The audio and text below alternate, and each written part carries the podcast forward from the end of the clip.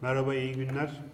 Ee, Bugün yine 15 gün aradan sonra ilk kez bir hafta içi akşam yayın yapıyoruz değil mi Ozan? Evet. Bundan sonra da inşallah e, bu yayınları hafta içine kaydırmak gibi bir niyetimiz de var ayrıca. Ee, Bugünkü konuğumuz aktüel bir aslında konunun etrafında e, konumuzu çağırdık. Sağ olsun bizi kırmadı geldi. Ee, Cüneyt Kaya, e, Küre ve e, Klasik yayın. Klasik yayınlarının e, felsefe editörü kendisi E, ve e, yaklaşık 30'a yakın değil mi hocam? Kitabı e, basmış e, ve editörlüğünü yapmış. E, tabii bu kitap fuarı nedeniyle bir e, hem konu başlığının felsefe olması ve e, bu çerçevede iyi kötü bir takım faaliyetlerin olması e, en azından Türkiye'de hani felsefe eğitimi, felsefe yayıncılığı, fe- e, fe- günlük hayatta felsefenin e, güncel hale gelmesi gibi e, bir takım sonuçlar doğuruyor. Bu açıdan hani biz e, bu programa en azından e, bunun yayıncılık boyutuyla ilgili ne gibi hani sıkıntılar yaşanıyor, ne gibi imkanlar var bunları konuşmak için sizi çağırdık. E, biraz isterseniz siz kendinizden bahsederek e, programa bir giriş yapalım. Buyurun. Eyvallah. Teşekkür ediyorum davetiniz için. Ee, ben Marmara Üniversitesi İlahiyat Fakültesinden mezun oldum. Ee, yüksek lisansımı aynı üniversitede tamamladım. Doktorayı İstanbul Üniversitesi'nde bitirdim. Ee, Aristoteles'ten İbn Sina'ya imkan kavramı üzerine bir doktora çalışması yaptım. Ee, 2009 yılından beri de İstanbul Üniversitesi Edebiyat Fakültesi Felsefe Bölümünde öğretim üyesi olarak görev yapıyorum. Ee, uzmanlık alanım, tabii felsefe çok geniş bir alan. Benim e, biraz daha iddialı olduğum alan İslam felsefesi, Evet. klasik dönem İslam felsefesi, biraz da Osmanlı e, Türk modernleşmesi ve orada felsefenin konumuyla ilgili çalışmalar e, sürdürüyoruz. E, aşağı yukarı böyle ve klasik yayınlarında da özellikle e, İslam felsefesi başlığıyla işte yaklaşık 30 e, kitaba varan bir serinin editörlüğünü yapıyorum. Felsefeyle ilgimiz hem işte akademik e, açıdan yayınlarla hem de bir yandan da editörlükle devam ediyor. Tercüme de var. Tercüme, telif, editörlük işte öyle her telden çalmaya çalışıyoruz. Aslında şeyde e, e, Türkiye'de Batı felsefesi metinleri, daha genel anlamda Batı felsefesi metinleri e, sadece tercüme ediliyor. Evet. Fakat e, klasik e, İslam felsefesi metinleri, Hı hı. Osmanlı e, felsefesi, Osmanlı düşünce tarihine ait metinler. E, kimler tercüme ediyor? Hani genel olarak e, kurum var mı? Neler var? Hmm. Onlardan biraz bahseder miyiz? Tabii. Ee, şimdi Batı felsefesi ile ilgili de şunu belki aydınlığa kavuşturabiliriz. Ee, modern Batı felsefesi ile ilgili metinler genellikle e, İngilizceden, işte nispeten de Fransızca ve Almancadan filozofların diline göre çevriliyor ama tabii İngilizcenin hakimiyeti gittikçe artıyor. Bu dilleri bilen insanlar yani Almanca ve Fransızca bilen insanlar gittikçe azaldığı için İngilizce baskın bir hale geliyor. Ama antik felsefe, antik Yunan felsefesi açısından e, filoloji bölümleri, özellikle bizim üniversitede mesela, e, filoloji bölümündeki hocaların e, özel gayretleri var. E, mesela Çiğdem Dürüşken Hoca'nın burada adını belki anmamız iyi olabilir. E, daha önce Kabalcı yayınlarındaydı, şimdi Alfa'ya geçti. Humanitas diye bir seriyi sürdürüyorlar. O da Yunan ve Latin klasiklerini e, orijinallerinden çeviriyor ve karşılıklı yani paralel metin olarak bir tarafında Hmm. Yunancası, Latincesi, bir tarafında Türkçesi ve notlandırarak bunları şey yapıyor. Tabii avantajları filoloji e, kökenli olmaları, bunları bunu yapabilmeleri. E, bu metin neşri konusunda da en kritik mesele bu filoloji ve dil meselesi. E, yani biraz felsefeciler ne diyelim felsefeyle ilgilenenler meselenin düşünce boyutuna çok odaklandıkları için metnin sıhhati, orijinalitesi, metnin kuruluşu, tarihselliği, bu metin nasıl oluşmuş, günümüze nasıl gelmiş bununla çok fazla ilgilenmiyorlar. Onun için biraz filolojik şeye e, ihtiyaç var. ilgiye, hassasiyete ihtiyaç var. Ee, Nasıl modern felsefeyle ilgilenenler için böyle bir ihtiyaç e, veya böyle bir ilgi olmadığı gibi İslam felsefesi için de aynı şeyi söyleyebiliriz. Yani İslam felsefesiyle ilgili çalışanlar da e, evet çok sayıda metin neşrine yönelik gayret var. Özellikle 2000'li yılların başından itibaren 90'lı yıllara kadar geri götürebiliriz bunu. E, Bunun çeşitli sosyal sebepleri var. E, Bunu sürükleyen siyasi şeyler var, dalgalar var. Ama yuk- yukarı doğru giden bir trend var. İslam felsefesi, Osmanlı düşüncesi son 4-5-6 yıldır e, özellikle Osmanlı'ya 13. yüzyıl sonrasında ne oldu bizim için karanlık bir dönem. Bu dönemin aydınlatılmasına yönelik bir gayret var. İşte mesela bugün bir sempozyum başladı. E, Taşköprülüzade. Medeniyet Taşköprülüzade Medeniyet Üniversitesi Felsefe Bölümünde e, işte 17. yüzyılda yaşamış bir e, Osmanlı e, düşünürünün bütün yönleriyle ortaya çıkartmaya çalışıyor. Aynı zamanda metinlerini de neşretmeye, yayınlamaya çalışıyorlar. Dolayısıyla böyle bir ilgi var ama bu ilginin e, ne diyelim henüz ayakları yere oturan bir metodolojiye sahip olduğunu söylememiz mümkün değil. E, bunu destekleyen e, şeyler ne, nedir dersen, kurum olarak dersen, e, ilk başta bunun destekçilerinin daha çok yayın evleri olarak başladığını söyleyebilirim. Yani 2000'li yıllar, 90'ların sonları 2000'li yıllar açısından baktığımızda e, böyle metin neşri, orijinali, orijinaliyle tercümesinin bir arada yayını vesaire gibi bir kaygı. İşte klasik yayınları. Aynı dönemde litera yayınları e, tarafından böyle bir girişim başlatıldı. İbn Sina'nın bütün külliyatını Arapçası, Türkçesiyle birlikte yayınlamaya başladılar. Ee, işte İbn Arabi'nin metinlerini Fütuhat-ı Mekke'yi tercüme ettiler. Ba- Bayağı başka metinlerle birlikte zengin bir literatür oluştu orada. Onun dışında e, şu an tam kuruluş yılını hatırlamıyorum ama 5-6 yılı daha öncesine gitmez. Devlet bu işe bir el attı. Kültür Bakanlığı'nın bünyesinde Türkiye Yazma Eserler Kurumu Başkanlığı diye bir şey kuruldu. Türkiye'deki bütün yazma kütüphanelerini, yazma eser kütüphanelerini bünyesinde barındıran bir şey bu.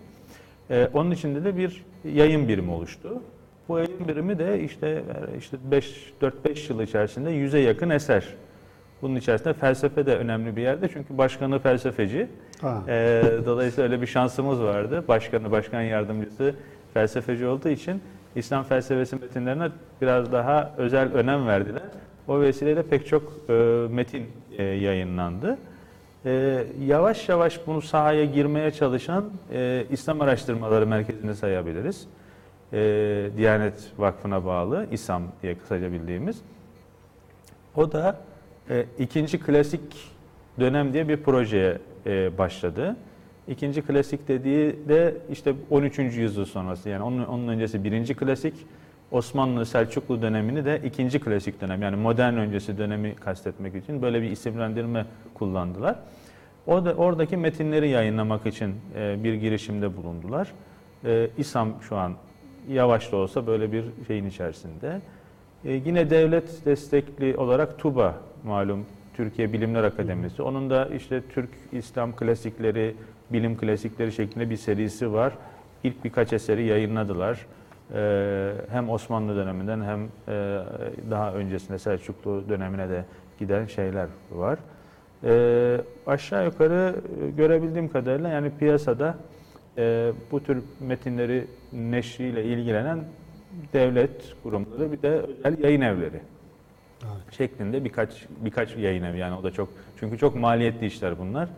Ee, mesela yani Türkiye Yazma Eserler Kurumu e, şey olduktan sonra bu işin içerisine girdikten sonra e, sevindirici bir şey çünkü çok iyi telif ücretleri, tercüme ücretleri veriyorlar. E, bu işlerde çalışanlar için çok iyi bir şey. Ama e, nedir onun adı? Diğer yayın evlerinin tabii o ücretleri vermesi çok mümkün olmadığı için e, bu tür yayınlar genellikle o tarafa doğru akmaya e, başladı. Orada yoğunlaşmaya başladı. Şimdi şey için genel olarak bu e, yazmalarda Evet. tabi burada Osmanlı düşüncesi, İslam düşüncesi dediğimiz zaman işin içine yazma giriyor. Yazma Çünkü eserler, mat, matbu metinler e, çok geç döneme ait. evet. E, bunların süreci nasıl oluyor? e, yayınlama süreci? Yayınlama süreci. Evet. Yani İslam e, kültürü, medeniyeti ne dersek diyelim aslında bir yazma kültürü modern öncesi. Hani matbaa geç geldi diye hayıflanırız ama matbaanın geç gelmesinin bir avantajı çok büyük bir batıya göre çok daha büyük bir yazma şeyine sahibiz biz. Koleksiyonuna sahibiz. Tüm İslam dünyasını düşünecek olursak e, birkaç yüzyıl e, daha fazla bu yazma eser üretimi devam etti İslam dünyasında. E, Şimdi dedim ya bu konuda Türkiye'de şu an için bir metodolojik bir karmaşa var. Ne olacağı, nasıl bu işlerin yapılacağına dair. Bir iştiyak var, bir arzu var. Bu arzu ne diyelim geleneğin keşfine yönelik bir arzu. Yani ne vardı geçmişte şeklinde bir arzu. Düşünce alanında, felsefe alanında, işte kelam, teoloji alanında, tasavvuf alanında veya işte pozitif bilimler Bilim dediğimiz bilim bilimler tarihi. alanında, bilim tarihi açısından ne vardı, ne yoktu bunları bir ortaya çıkartalım e, şeklinde bir arzu var. E, dediğim gibi bunu destekleyen sosyal e, motivasyonlar da var. E, ama bunun nasıl yapılacağına dair çok ne diyelim ayakları yere basan şeylerin sahip değiliz.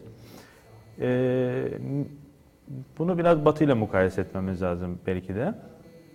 Şimdi e, Batı'da işte Rönesans'tan itibaren aşağı yukarı klasiklere bir dönüş içerisine girdim. Rönesans kökenlere dönme anlamına geliyor. Onlar da Yunan Latin klasiklerini keşfettiler. Yeni Platonculuk falan. Evet, Platon'u, Aristoteles'i yeniden okudular. Ee, Başka metinler buldular. Latin dünyasından başka metinler e, keşfettiler.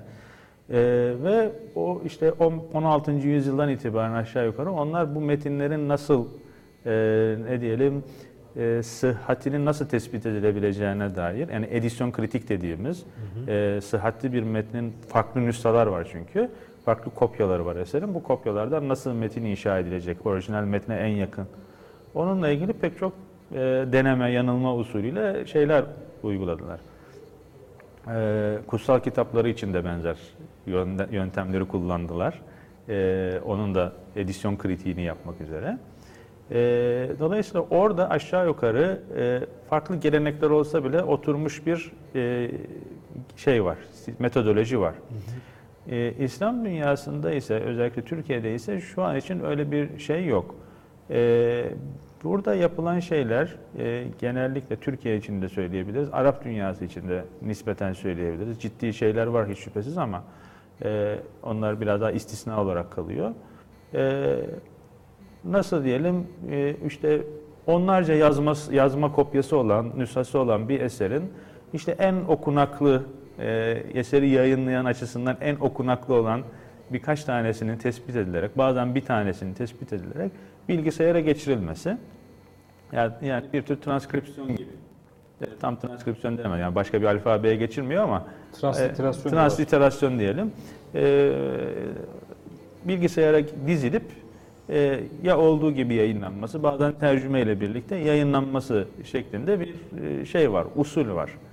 E, ama bu ne diyelim çok harcı alem bir şey.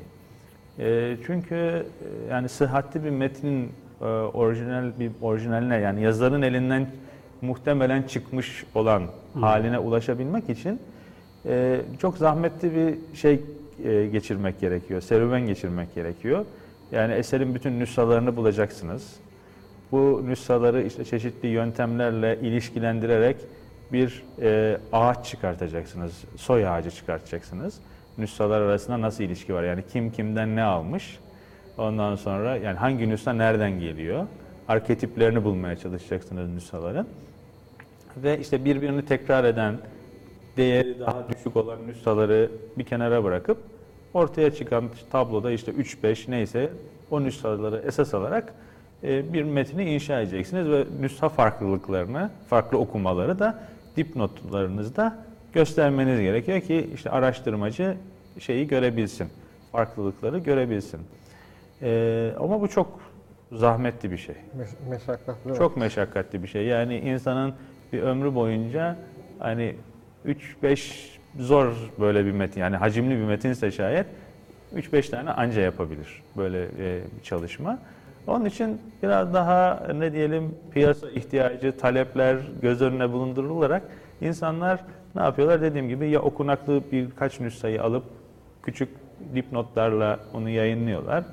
E, veya tıpkı basımını yapıyorlar yazma nüshanın. Yani faksimile e, edisyon dediğimiz e, fotoğraf halinde onu kitabın sonuna koyuyorlar ve onunla e, onu yayınlamış oluyorlar.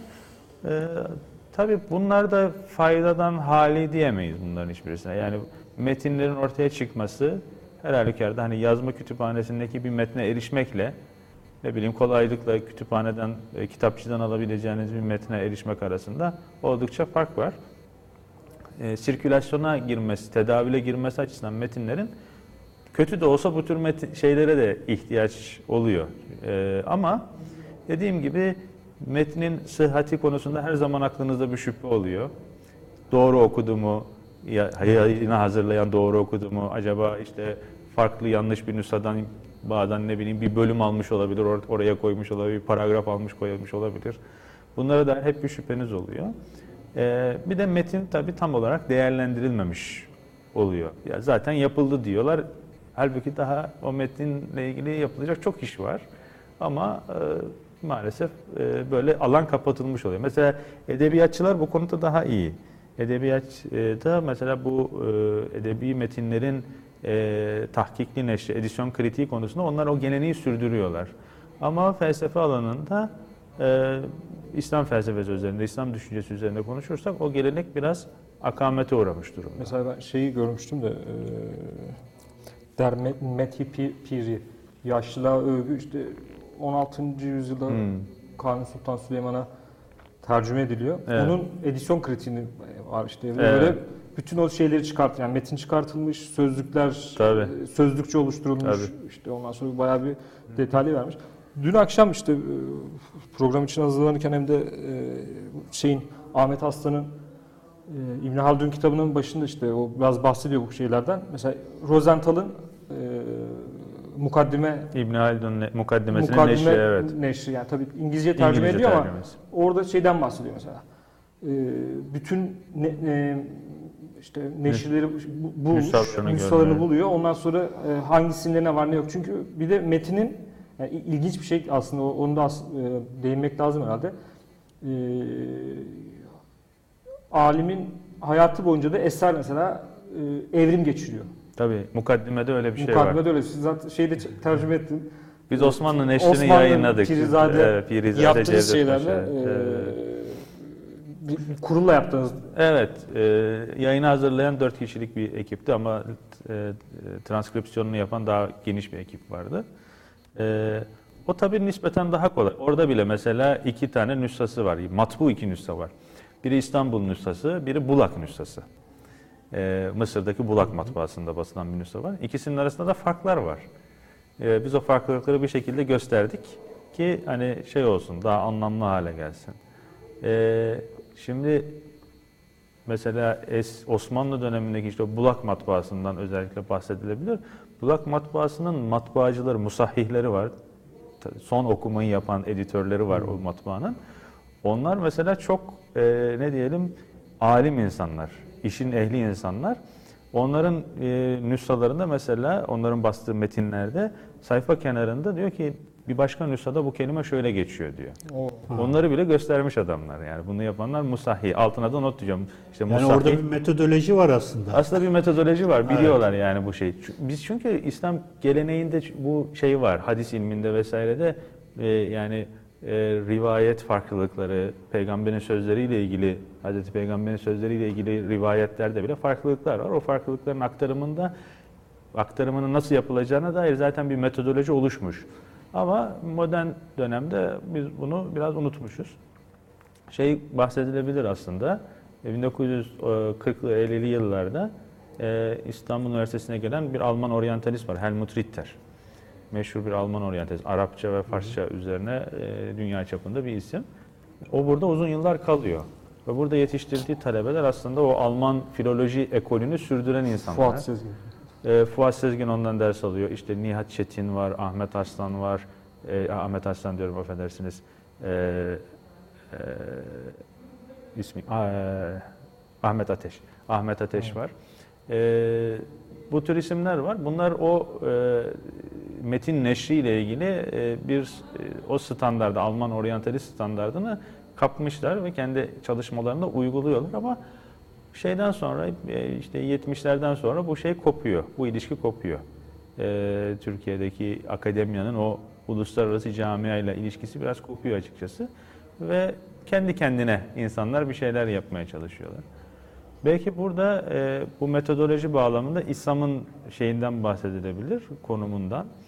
İslam'da da e, rahmetli Bekir Topaloğlu hoca vardı, kelam e, hocasıydı. E, geçen sene vefat etti. O Maturidi kelamı ile ilgili e, Maturidi mezhebinin metinlerini neşretme konusunda özel bir gayreti, çabası vardı. E, herhalde yani ilahiyat camiası içerisinde bu metin neşri konusunda en çok emek sarf eden, kafa yoran insanlardan birisiydi Bekir Topaloğlu rahmetli. E, işte Maturidi'nin kitabı Tevhidini çevirdiler. Onun tefsir kitabı var, büyük hacimli bir şey. E, onun edisyon kritiğini yaptılar, yayınladılar. O vesileyle İslam'da bir e, yazma eserler nasıl edisyon kritiği yapılabilir? Bununla ilgili bir e, talimatname, bir rehber oluşturdular. İslam'ın web sayfasında var. Şu an aşağı yukarı hani ciddi bir şey yapmak istiyorsa insanlar onu kullanmaya çalışıyorlar ama onun da pek çok yönden hala revize edilmesi e, gerekiyor. Bir kullanım kılavuzu gibi bir şey, Bir- yol haritası Evet, yapılmış evet, yani bu konuyla Evet. İslam o konuda Evet. gayret gösteriyor, kurslar açıyor. Edisyon kritik nasıl yapılır, Evet. Arap dünyasından hocalar geliyor falan filan.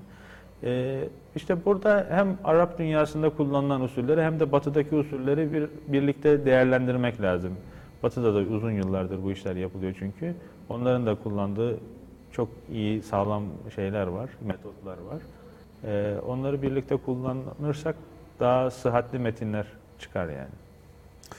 Ben bir şey soracağım hocam. Tabii. Şimdi e, biraz konunun dışına hani çıkarak şey yapmak istiyorum. Siz üniversitede e, dersler veriyorsunuz. E, hep Türkiye'de şey tartışılır yani bu lise ve ilk ortaokul düzeyinde felsefe e, derslerinin yetersizliği ve e, bu şeyin e, hem yayın olarak zaten belki son dönemlerde biraz hani bir çocuklara yönelik Hmm, felsefe var, kitaplarında evet. bir artış var. Bilmiyorum siz ne diyorsunuz bu konuyla ilgili.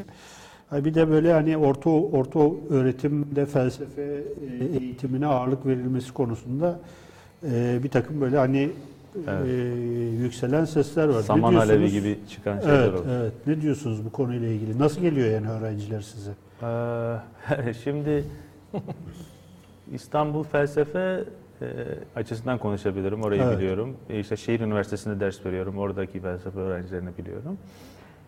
Her zaman e, her sene gelen öğrencilerin içerisinde belli bir yüzde, küçük bir yüzde de olsa böyle idealist, e, doğrudan felsefe bölümünü isteyen insanlar oluyor.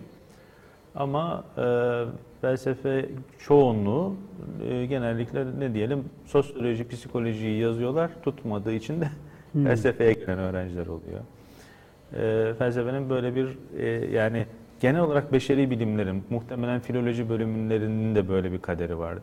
Evet. Yani mesleğe şey olmayınca, doğrudan mezun olunca bir meslek olmayınca, işte sosyolojinin yine bir mesleği oluyor. Mezun olunca sosyolog diyorlar.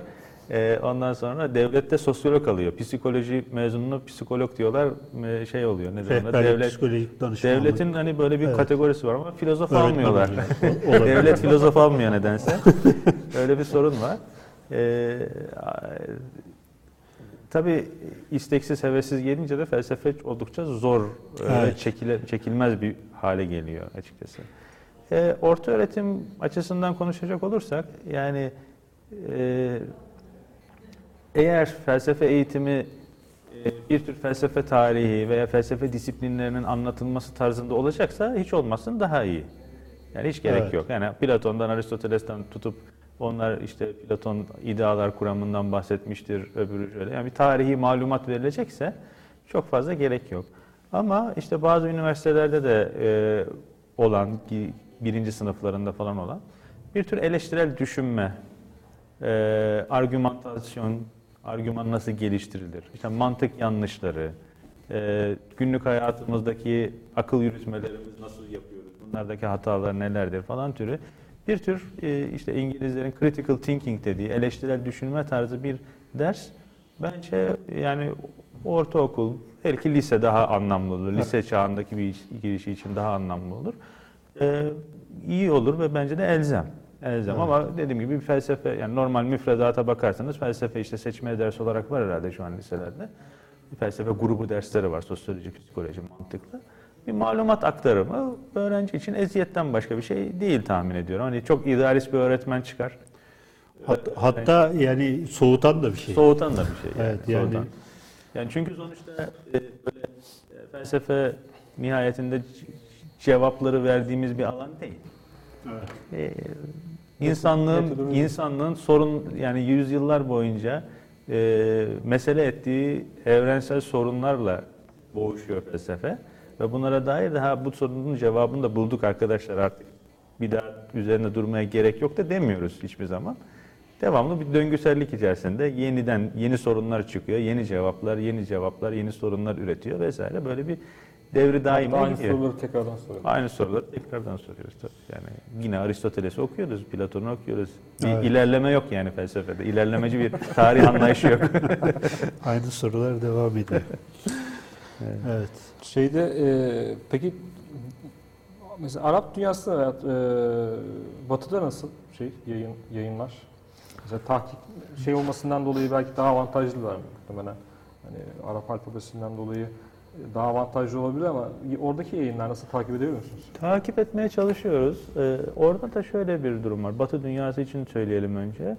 Ee, orada da İslam felsefesi, İslam düşüncesiyle ilgilenen ee, böyle filoloji kökenli baba insanlar artık kalmadı. Ee, Ritter gibi mesela. Yani Ritter gibi veya işte Rosenthal gibi. Rosenthal'in talebeleri işte Dimitri Gutas var mesela ben ya yanında çalıştım onunla bir süre. Ee, o emsal insanlar artık pek yok. Onlardan sonra gelen nesiller e, o insanların da şikayet ettiği üzere sadece batı dilleri üzerinden gidiyorlar. Yani Arapça biliyorlar hiç şüphesiz. Okuyorlar ediyorlar ama bu tür bir filolojik bakışları yok. Metin tahkikiyle ilgili çok fazla bir kaygıları yok. Ee, biraz tarihi perspektiften yoksunlar. Sadece doktrine, öğretiye yöneliyorlar ama metinler sorunlu olunca doktrine ne kadar yönelirsen yönen, yönel, e, kaynakta sorun var. Ona önce bir çözmen gerekiyor. Onun için aslında Batı dünyasında şu an için İslam felsefesi çalışanlar açısından baktığımda böyle çok bir metinleşine yönelik bir çaba yok. Çok e, azdır yani. İs- Arap dünyası için de benzer bir şey söyleyebiliriz. Orada da yani e, özellikle Mısır önemli bir merkezdi. E, Irak önemli bir merkezdi. E, yaklaşık 30-40 yıldır oralardan çok şey çıkmıyor. E, siyasi şartlardan da kaynaklanıyor muhtemelen. Biraz da işte or- yine oradaki baba isimler, önde gelen e, düş- düşünürler, bu işe emek vermiş insanlar artık e, sahneden çekilince e, daha e, ne diyelim piyasa i- işler ilerliyor. Bulak baskısı falan yok artık. Ee, mesela yok. bakıyorum ben. Evet, hiç şüphesiz şeyler yapıyor yani. veriyorlar. Yani ikinci literatür üretiyor insanlar ama metinleşine yönelik özel bir gayret e, yok. Onu söyleyebiliriz. İşte şeyde de var mesela artık biraz da tabii bu işler e, sırf matbu değil. Mesela şeyin tercümesini yaptığım bu şey Evet. e, Peter Adams'ın Peter mesela Adams'ın. şey var History of e, Philosophy Philosophy Without without, no, gaps. without gaps. Without Gaps. Podcast'ı var mesela. Evet, çok güzel bir şey. evet. Değil mi? O, o seri ben telefonda yüklü. Hmm. İşte şeyle başladılar. E, e, Thales'le Thales'le başladı. İşte e, Helenistik döneme kadar, işte Orta Çağlara kadar getirdi. Sonra kendi alanı olan İslam felsefesine geçti. Evet. İslam felsefesinde modern döneme kadar getirdi diye hatırlıyorum. Tabii getiriyor. Getirdi. Şimdi tekrardan şeye döndü, Orta Çağ'a döndü. Orta Çağ'dan Batı başladı. Bir de. Hindistan bir falan de da Hindistan'a var. başladı. Bir Tamam. 10-15 geçen gün baktım da Evet. 10-15 ben bir de üyeyim sürekli ma- mail düşüyor. Yayınladıkça mail düşüyor. Ha. Bakıyorum neler neler var falan diye. Bir de kitap yaptı Ox- Oxford'dan. Evet, Kitabı da yeni- çıktı yeni böyle. çıkmış, evet. Biraz da ön şeyine bakmıştım. Ee, Kitabı Hı hı. tabii almak zor olur da Oxford'dan metine baktım böyle. Gayet şey e, güzel ve de Hı e, keyifli aslında. Çok güzel. evet. Yani otobüste giderken falan hani ben bizim podcast'leri Evet. bizimkisi gibi aynı kalitede de mi bilmiyorum ama Bu, bunu da SoundCloud olarak reklam da ama izleyicilere de söyleyelim. Ee, bizim İndirip programların podcast'i var da e, şey açısından da aslında hani Bilginin ma- toplumsallaşması açısından. toplumsallaşması açısından da önemli Doğru, aslında. Yani mesela YouTube'da olması ya ben mesela şimdi iş çalışırken falan ofiste iş çalışırken o tarz şeyleri açıyorum. Hmm. Kulaklıkta arada iş yaparken hani e, konsantre olup dinlemiyorsun ama o arada işte şey yapıyor arka tarafta e, zilin bir köşesinde sürekli birileri konuşuyor. Yani bayağı böyle e, zihin açıcı bir şey, Evet. zihin açıcı oluyor. Şey de vardı. e, Geçenlerde gördüm de e, İslam Düşünce Atlası. Evet. Evet. O projeden yani siz ben de bir kıyısından katkıda bulundum e, ona. Peter Adams'ın şeyi tabii çok önemli. Onların tabii şöyle bir avantajı var. Ee, yani e, nedir onun adı? Projenin kendisi güzel, Çok iddialı bir proje tabii. Yani hiçbir Şey var. boşluk bırakmadan felsefe tarihini anlatacağım diyor. Kendisi İslam felsefesi uzmanı, benim de antik felsefe, Helenistik felsefe uzmanı. Yani diyor ki hani normal felsefe tarihlerinde olduğu gibi sadece Batı felsefesi üzerinden bir şey anlatmayacağım ben. Ee, şey yapacağım. İslam İslam'dan da bahsedeceğim, Hint'ten de, Çin'den de bahsedeceğim. Bütün felsefe tarihini bir bütün olarak ele alacağım. Ee, şöyle bir avantajları var. Özellikle Batı felsefesi açısından da İslam felsefesi için de nispeten söyleyebiliriz. Ee, çok insan var orada bu işleri çalışan. Ee, yani köprülerin altına çok sular geçmiş. Artık bilgi rafine hale aşağı yukarı gelmiş onlar açısından. Hele Batı felsefesi açısından hiçbir problem yok neredeyse. Yeni yeni çalışıyorlar tekrar tabii hiç bitmiyor ama rafine hale gelmiş artık e, öz bir şekilde sunmak çok daha kolay. Ee, bizim açımızdan bunu yapma için daha yeni yeni adımlar atıyoruz. Ee, işte İslam felsefesinin klasik dönemini aşağı yukarı eh, kaba taslak biliyoruz. Yani 13. yüzyıla kadarki e, tarihini az çok biliyoruz. Orada da yine hala böyle kara delikler var bence. Ee, ama 13'ten 19'a kadarki modernleşme dönemine kadarki kısmı ele alırsak yani neredeyse tüm Osmanlı yani. Orada isimler var. Havada uçuşan isimler var. Ama bunlar nereye basıyor, ne söylemişler, önceyle ne ilişkisi var, kendi dönemlerinde ne söylemişler, sonrasında ne etkisi var, nasıl bir network içinde bunları konuşmuşlar, ne iddialarda bulunmuşlar. Buna dair işte daha yeni yeni böyle bir emekle emekleme dönemindeyiz. Onun için yani bir düşünce, e, bir öğreti buradan başladı, şöyle evrildi, şuradan şuraya gitti diyemiyoruz rahatlıkla. Hiç emin olamıyoruz yani. Ee, onun için e, bu tür e, bilgiyi toplumsallaştıracak şeyler e, konusunda biraz daha e, yavaş davranıyor Türkiye'deki akademisyenler. Ders kitapları falan var. Onların formatı biraz da tartışılır ama yine de eh, eğitim öğretim ihtiyacı, malzeme ihtiyacı onun için e, yapılıyor. İslam Düşünce e, Atlası'na gelecek olursak o, o da güzel bir proje. Ee, İbrahim Halil Üçer e, dostumuz o projeyi e, şuraya ön ayak oldu. Ee, işte web tabanlı bir proje. Ee, temel isimleri seçtiler modernleşme dönemine kadar. Hatta modern dönemi de içine alıyor yanlış hatırlamıyorsam. Ee, is- belli başlı isimler. Onlara haritanın üzerinde şeyler yani yaşadıkları yerleri e, dokunabiliyorsunuz. Eğer seyahatleri varsa seyahat güzergahları görünüyor haritada. İşte ondan sonra hayatları ile ilgili bir madde çıkıyor birkaç sayfalık eserlerinin kronolojisi, eserlerinin etkisini, talebelerini, hocalarını böyle şematik olarak görebiliyorsunuz. İşte yaşadığı dönemde önemli bir mimari eser varsa işte Buhara'da yaşamış, Buhara'da falanca e, büyük e, anıtsal bir eser varsa onunla ilgili bir sayfa açılabiliyor size. Şehirle ilgili, Buhara ile ilgili bir madde açılıyor. Böyle böylece e, muhtemelen ileride böyle e, revizyona da gidilecek, update Evet, edilebilecek, güncellenebilecek bir şey. E, bu çok önemli bir şey çünkü hani e, bu mirasın e, varlığının bilinmesi önemli öncelikle. Onun için de e, işte toplumsallaşması lazım. Toplumsallaşması için de ders kitaplarına girmesi lazım öncelikle bir bilginin. Evet. Yani bir bilgi ders kitabına girerse e, o bir şekilde 3 yılda, 5 yılda, 10 yılda artık o tezgahtan geçen insanların zihninde bir yer edinir. İslam felsefesi şu an için İslam düşüncesi, İslam medeniyeti deyin artık ne dersek diye buradaki düşünce mirası henüz böyle bir şeye girmedi. E Ne diyelim işte ilahiyatlar için bir gündem, İmam Hatip liseleri için bir gündem bu. Ee, işte İslam felsefesiyle ilgilenenler, İslam düşüncesiyle ilgilenenler için özel olarak bir şey ama geniş toplumsal kitlenin henüz gündeminde değil. Ee, yani bir hamaset için söylemiyorum. Sadece olanın e, bilinmesi anlamında e, bunu söylüyorum.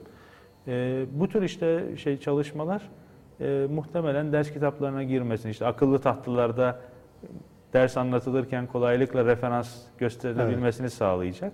Onun için oldukça faydalı. E, O yani cidden önemli ya. Çünkü özellikle e, şeyde ba- e, klasikten pardon küreden e, felsefe atlası da çıktı. evet o da Mesela- tercüme bir metin. Evet o da çok önemli bir metin. E, orada e, tabii biz e, şunu kaybediyoruz. Yani ben e, mesela bu metinleri okurken coğrafyadan bağımsız düşünüyoruz. O çok e, şeyi kaçırıyor. Evet. Perspektifi Tabii. kaçırıyorsunuz. E, Şey mesela hani e, e, Şeyh Bedrettin'i yaptığımızda programda işte şey Şeyh Bedrettin 13. yüzyılın son- sonlarında Kahire'ye gidiyor Hmm, ve okumak e, için Memlüklere. Memlüklere ve e, şöyle bir bilgi var. Aynı gün İbn Haldun da Kahire'ye giriyor. Aynı gün Hmm. o- onun işte tabii şeyden el tariften alıyorlar. Tariften e, Evet. bilgisini alıyorlar. ve Şey Bedrettin'in de şeyden e, Menakıbnamesi'nden Hmm, ve aynı gün Kahire'ye gidiyorlar. tabii. Hani orada karşılaştılar mı? Hani me- meçhul ama şey açısından ilginç. Hani çok ilginç Bence yerlerde karşılaşmamaları imkansız. ya tabii canım bir sürü alim sonuçta Yani bir Şimdi, Ber- Ber- şimdinin bu- Kahire'si bile değildir ufacık bir yerde. Ber. Berkuk'un oğluna hoca oluyor. Aynen, evet. Yani ikisi de alim sonuçta. Karşılaşmamaları e, ş- durum söz konusu olmaz ama şey açısından önemli yani. Kimler kimlerle Tabii. e, karşılaşıyor. Muhtemelen Evet. konuşmuşlardır, Tabii. fikir alışverişi yapmışlardır. Ama hani şey dediğiniz zaman e, işte bu felsefe veyahut da düşünce dediğiniz zaman böyle e, yerden, topraktan sanki bağımsızmış Bağımsız. gibi, hiç değmemiş gibi Evet. e, bir e, durum söz konusu. ve O yüzden o bu şey güzel aslında bu atlas, atlas işte şey Evet. düşünce atlası veyahut da bu tarz e, fiziki dünyaya Fiziki de- dünyaya de- değdirmek değdirmek. açısından önemli yani. Doğru doğru. Bu e, İbn e, şey Bedrettin mesela seyahatleri var. Hı. Tebriz'e, Horasan'a gidiyor. Tebriz. Tebriz'e gidiyor. İşte Timurlu ile bir şey oluyor. Sonra geri dönüyor. Sonra Anadolu'yu e, boydan boya geçiyor. İşte Tire'ye gidiyor vesaire falan filan. Mesela onun düşüncesinin şekillenmesinde o seyahatlerin çok etkisi var aslında yani. O sonradan siyasi bir hani şeye doğru gidiyor Hmm. ama sonuçta bir ortada e, bir fikri tekamül denilen bir şey var. Ve o seyahatler aslında onun o fikri tekamülünün e, bir yol haritası yani. Evet. Ve bu açıdan şeyin söylediği doğru yani. Coğrafyadan bağımsız düşünüyoruz. Yani çok soyut Tabii. veya bir felsefe eğitimi verilirken e, işte ne bileyim Buhara diyoruz atıyorum. Evet. Buhara'nın hani e, 13. yüzyılda 14. yüzyıldaki hali nedir? Nedir o sırada orada kimler hani karşılaştırmalı olarak işte siyasi tarih, Doğru. felsefe tarihi, işte kültür tarihi, edebiyat ya bunlar e, iç içe geçirildiği İşte zaman yani Platon'u Aristoteles'i anlatırken Atina'yı biliyorsanız Yunan'ı, işte Yunanlar Pers arasındaki ilişkiyi, Evet. bütün bu bağlamın içerisinde işte Platon niye işte demokrasiye karşı çıkmış, e, ondan sonra Aristo gelmiş, Büyük İskender'le ilişkisi falan filan. Bütün bunları o bağlamın içerisinde okuduğunuzda daha anlamlı oluyor. evet. Bizim ama henüz işte orada çok büyük eksiklerimiz var. Yani ne bileyim İbn Sina'yı anlatırken onu Buhara kontekstinde anlatamıyoruz veya Hemedan kontekstinde bağlamı içerisinde anlatamıyoruz. Çünkü Hemedan'ın şehir tarihi henüz belki çalışılmadı. Evet. Veya Buhara çok az çalışıldı. Ee, bir de hani onu çalışan sadece tarihçi olarak çalışıyor. Ee, yani bu pek çok çalışma yapılması gerekir ki işte bilgi rafine hale gelecek. Felsefe çalışan da oradan kendisine ihtiyacı olanı alabilecek. Evet. Ee, o açıdan bir de şeye de değinilmesi gerekiyor belki de. İşte bu düşünürleri yazarken dediğiniz gibi çok havada yazmak mümkün. Bütün öğretileriyle sadece hiç adam hiç yaşamamış gibi yani e, insani bir varlık, fiziki bir varlık değilmiş gibi bir öğretileri üzerinden yazabilirsiniz. Ama bir de Ee, yine batıda örnekleri var. Ee, yaşadığı çağ, ilişkiler ağı, gezdiği yerler, ya eserlerindeki üsluplar, kime yazmış, kimden himaye istemiş, patronaj istemiş, kime kızmış, oradaki insani duygular vesaire onları keşfederek bir e, biyografi yazmak var. Ee, hani bir entelektüel biyografi diyoruz buna. Ee, hani tarihçiler için güzel bir örnek var işte Fleischer'ın Mustafa Ali kitabı. Evet. Şimdi Mustafa Ali'yi e, bir e, kuru bir şekilde bir e, edebiyatçı, şair, bir tarihçi olarak anlatılabilirdi ama Fleischer orada öyle bir eserlerinden işte e, siyasi güçle olan ilişkisi üzerinden öyle güzel bir bağlamda o, o şey yapıyor ki anlatıyor ki ya doğru yanlış bilemeyiz. Onun bir bakış açısı ama Fleischer size bir şey ne- Mustafa Ali size bir şey söylüyor artık yani okuduğunuz zaman. Hı hı. Ee, bunu bütün düşünürler için ya- yapmak lazım. Veriler sağlanak çok emek isteyen bir şey ama e, büyük bir veri şeyine ihtiyacınız var. Ama yazıldığı zaman da kalıcı olan şeyler muhtemelen de bunlar. Evet. Yoksa şurada doğdu, şuraya gitti, burada öldü. Bu evet yani. Bir örnek olarak ben bir şey anlatayım. Tabii. Ee, işte Cemal Kafadar Hoca bu Şeyh Bedrettin'le ilgili bir e, belgesel sırasında bir söyleşisini şey yaptı. Şeyh Bedrettin e, Kahire'de kölesiyle evleniyor. Hmm. Yani, yani bildiğimiz işte Afrikalı e, Habeş. siyahi Habeş bir kadınla evleniyor. Oğlu bir e, sanıyorum Ermeni e, bir kızla evleniyor e, falan filan.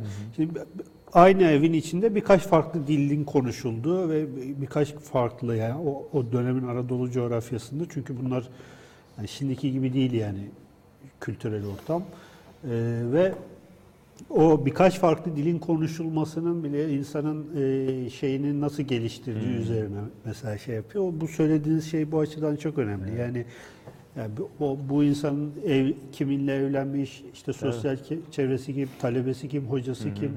nereden nereye göçmüş falan. Bunlar e, sadece e, düşünsel olarak bir insanı tanıtmaktan ziyade onun e, bütün işte e, tekamülünü, e, fikri gelişimini, Evet. yaşadığı toplumsal şeyi anlamak açısından önemli.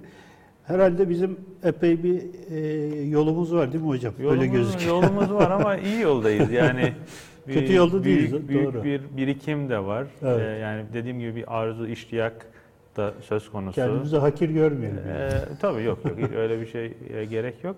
Ee, yani bir tür bir canlanış da var, bir tür Rönesansvari bir e, şey var, bir kaynaklara dönüş, keşfetme dediğim gibi Evet. bir arzu içerisinde çok sayıda. Yani bu kadar büyük e, sayıda üniversite, yani dediğim gibi nitelikleri belki tartışılır ama büyük bir nicelik var ortada. Bu niceliğin çokluğuna çokluğundan nitelikli şeylerin de çıkacağını e, Evet. ümit ediyoruz. Yani yoksa e, başka türlü olacağını Yeter düşünmüyorum. ki ben. eleştirel e, düşünce karşılığını bulsun. Evet, evet. Evet. Ben şeyden bahsedeceğim de biraz önce Semerkant'tan bahsediyordum.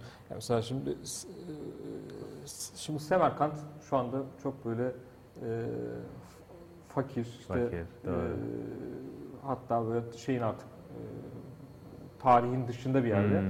Veyahut da Buhara. Sen o söylerken aklıma şey geldi. Timbuktu geldi. Hmm. Yani o, aslında bahsetmek de lazım. E, Timbuktu işte şu anda Mali'nin e, Mali'de Evet. Meşhur ve camisi var değil mi? camisi, Sankor medresesi var. Evet. İşte Tim- Çok önemli bir yazma kütüphanesi Ya var işte orada. O yüzden söyleyecektim. Mesela ben ilk şeyde e, duyduğumda Sankor medresesinde bir buçuk milyon civarında yazma, bir mi bir buçuk milyon Var, yazma olduğunu vardır, duydum. vardır. E, ve inanamadım. Yani Afrika Batı Afrika'nın çölün, önemli çölün ortasında böyle Sahra altında değil mi? sahra altı işte Evet. şey Mansa Musa'nın O meşhur altın kral. altın kral. Ama Yani- zenginlikle de çok alakalı. Tabii o zenginlik çok önemli. Tabii oradan altın çıkartıyorlar işte. Hatta hikayesi de şöyle hacca gidiyor Mansa Hmm. Musa işte 13. 12. 13. yüzyılın ortalarında hacca gidiyor. Hacca giderken de Ka- Kahire'ye uğruyor. Oradan da işte Mekke'ye geçiyor. Kahire'de uğradığında e, o kadar altın piyasaya sürüyor ki şey e, Altın alt- fiyatları alt- düşüyor. düşüyor, Devalüasyon. altın- altın Enflasyon oluyor.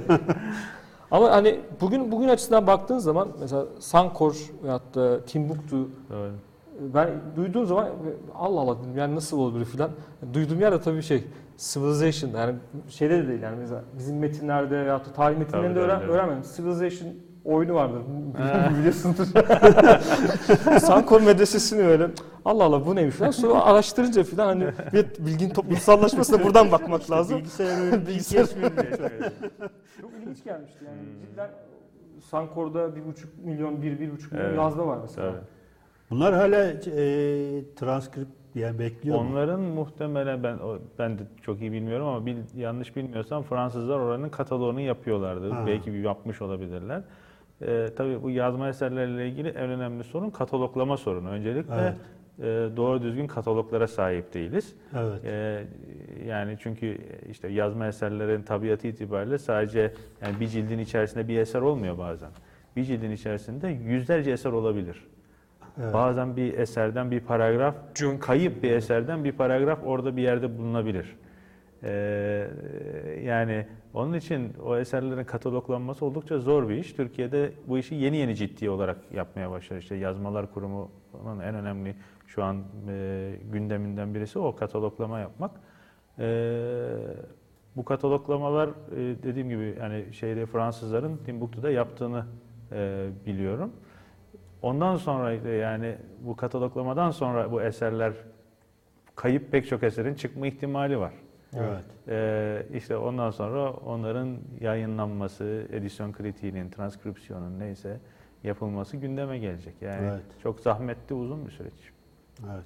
Evet. Peki. Yavaş yavaş toparlayalım. Eyvallah.